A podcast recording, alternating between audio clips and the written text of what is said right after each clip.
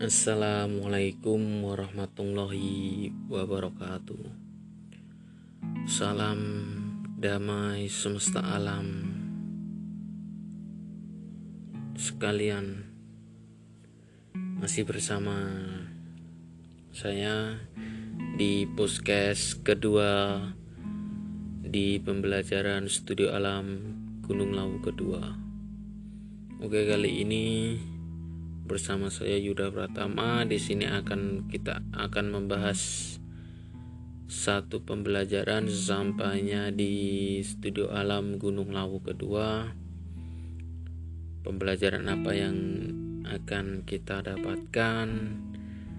Perenungan apa yang teman-teman dapatkan? Mari kita simak bersama di podcast kedua kali ini, teman-teman. Dan pastikan kita dalam keadaan rileks dalam kejernihan berpikir kita hilangkan satu rasa kebencian untuk mendengarkan apa yang waktu teman-teman sekawan sejalan saya waktu di studio alam Gunung Lawu dan pembelajaran apa yang saya dapatkan bersama teman-teman pada waktu itu. Oke, mari kita bahas langsung saja.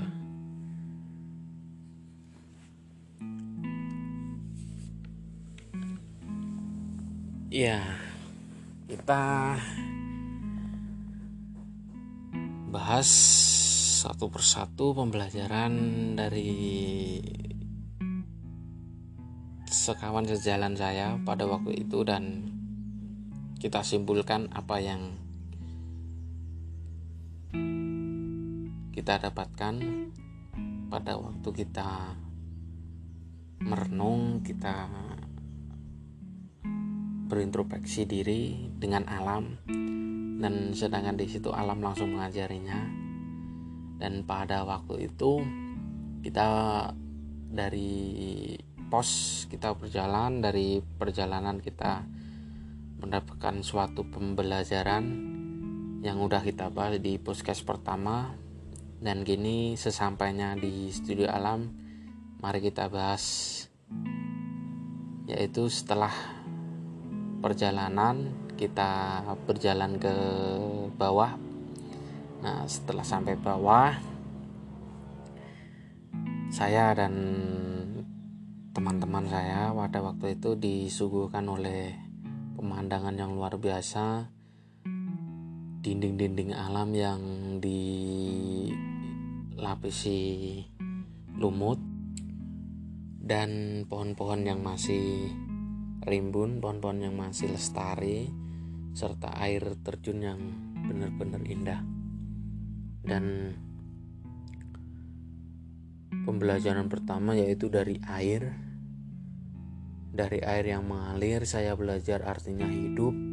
Dan dari air mengajarkan bagaimana hidup ini harus terus mengalir ataupun melangkah tanpa harus merusak batu-batu yang dilaluinya dan memberikan manfaat bagi yang membutuhkannya ataupun yang butuh tetapi akan menjadi bencana bagi yang menghalangi air tersebut dan merusaknya atau mencemari air tersebut. Dalam artian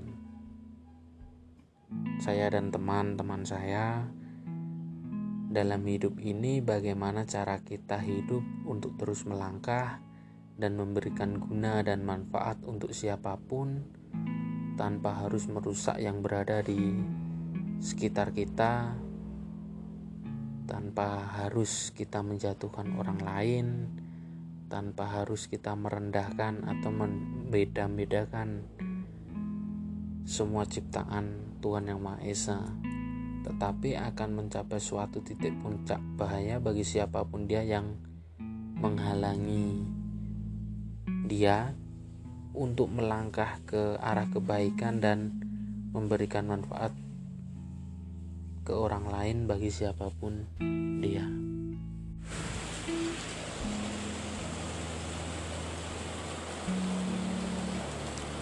Ya, teman-teman, eh, kita bicara air hujan langsung turun. ya, subhanallah ya. Dari air yang mengalir ke bawah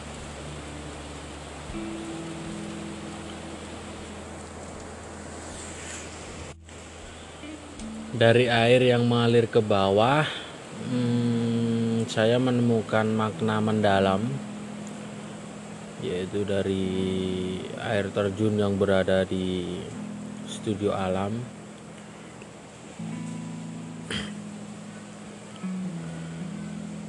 Di air terjun itu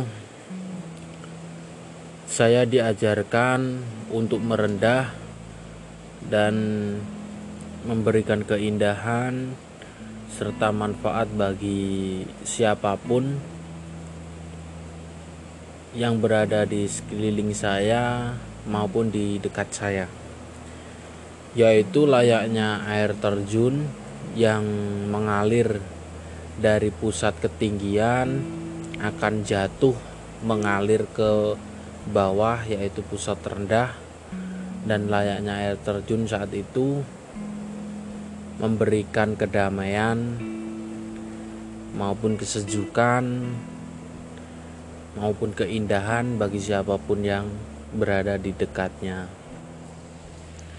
Dari apa yang saya maknai di dalam air terjun pada saat itu adalah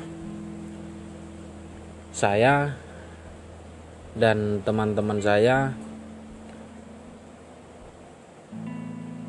menjadi manusia sebenar-benarnya manusia yang tidak bisa apa-apa atas kuasanya kuasa Tuhan yang Maha Esa. Kita diharapkan merendahkan diri sampai kita benar-benar tidak bisa direndahkan teman-teman. Dalam orang yang sudah mencapai tujuan tertingginya apakah layakkah kita patut bangga patutkah kita sombong dengan apa yang ada sekarang? Bukankah itu semua tak luput dari campur tangan Tuhan yang Maha Esa? Dan masihkah kita ingin bersombong?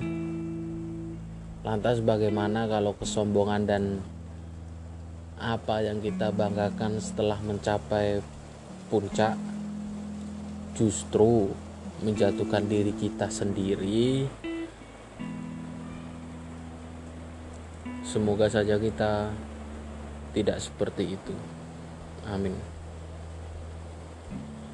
Apa pun itu, seberapapun seberapa akhir tujuan kita ataupun tujuanmu dan puncak tertinggimu tetaplah merendah karena pada dasarnya kita hanya makhluk lemah yang tak luput dari ujian dan campur tangan sang pencipta kita Tuhan yang Maha Esa.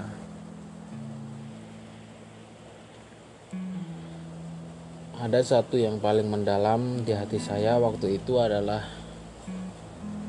dalam mendaki yaitu yang benar bukan menaklukkan puncak tertinggi teman-teman. Bukan menaklukkan puncak tertinggi dari gunung itu sendiri. Akan tetapi bagaimana cara kita menaklukkan puncak yang paling tertinggi?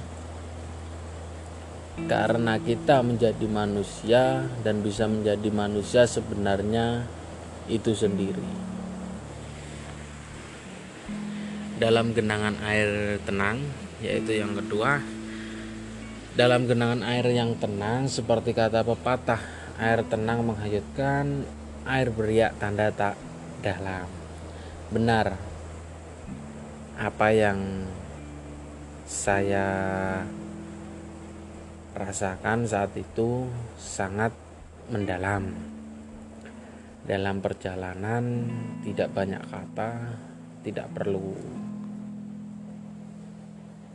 ya obrolan-obrolan di kota yang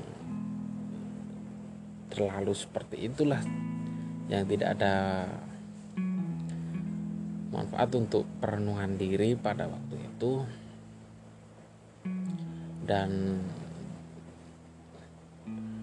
dalam perjalanan pun tidak banyak tidak perlu update status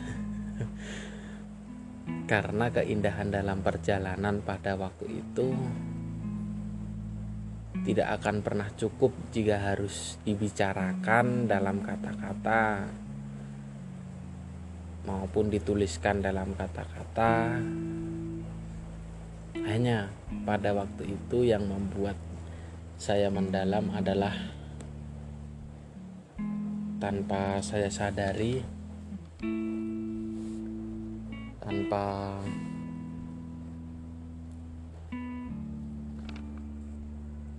saya sadari yaitu hati,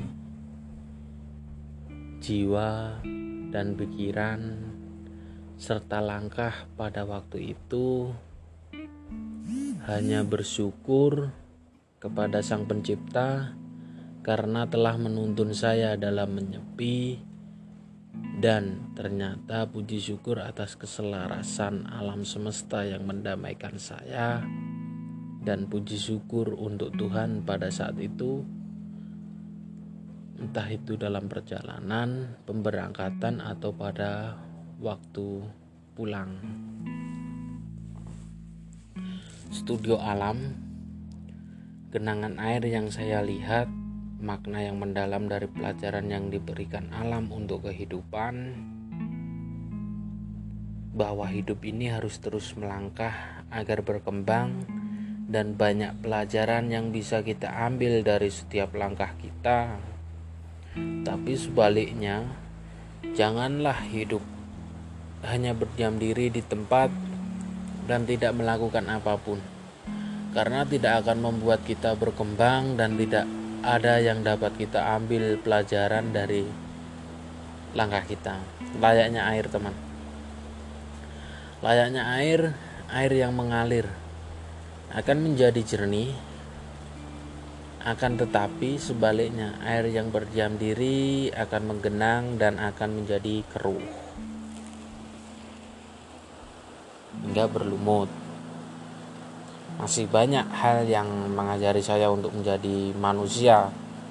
Yang manusia sebenarnya Allah mengajarkan saya banyak hal. Tidak bisa saya bicarakan banyak. Tidak bisa saya tuliskan banyak. Yang pasti pada waktu pada waktu itu sangat mendalam satu hal apa yang di kota tidak akan apa yang di hutan? Apa yang di hutan tidak akan pernah mungkin kita temukan di sudut-sudut kota entah di pusat kota teman-teman. Di hutan kita saya kamu kalian akan tahu siapa dirimu sebenarnya dan bagaimana hidup sebenarnya.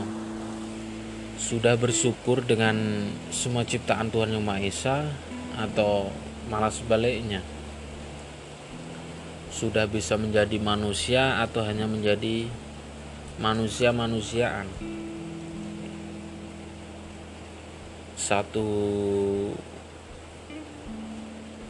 perenungan yaitu dari sebuah salah satu jaya yang sangat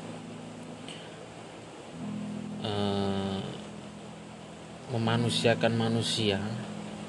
Ada satu pembelajaran yang saya petik pada waktu itu yaitu menyepi adalah satu cara untuk memahami isi dari keramaian dan menemukan, menemukan makna yang mendalam dari menyepi itu sendiri mungkin satu pembelajaran di studio alam Gunung Lawu. Di situ kedamaian benar-benar ada dan dari pembelajaran air ini kita dapat lebih bisa berenung kembali merenungi apa yang selama ini kita langkahkan selama ini kita rasakan dan apa yang kita lakukan selama ini. Semoga kita dapat berintrospeksi kembali belajar dari air kita intinya kita harus bermanfaat harus mengalir harus memberikan kesejukan kedamaian entah bagi bagi siapa pun itu tanpa harus kita merendahkan semua ciptaan Tuhan yang Maha Esa.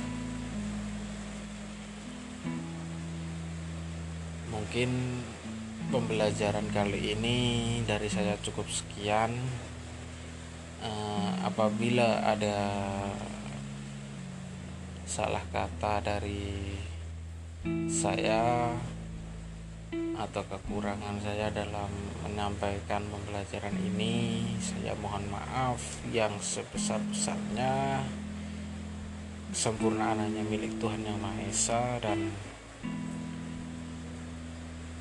semoga kita tetap dalam perenungan menjadi diri pribadi yang lebih baik, lebih menjadi manusia yang bermanusia.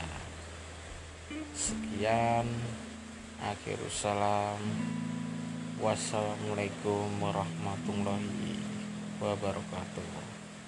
Salam, salam Salam damai semesta alam.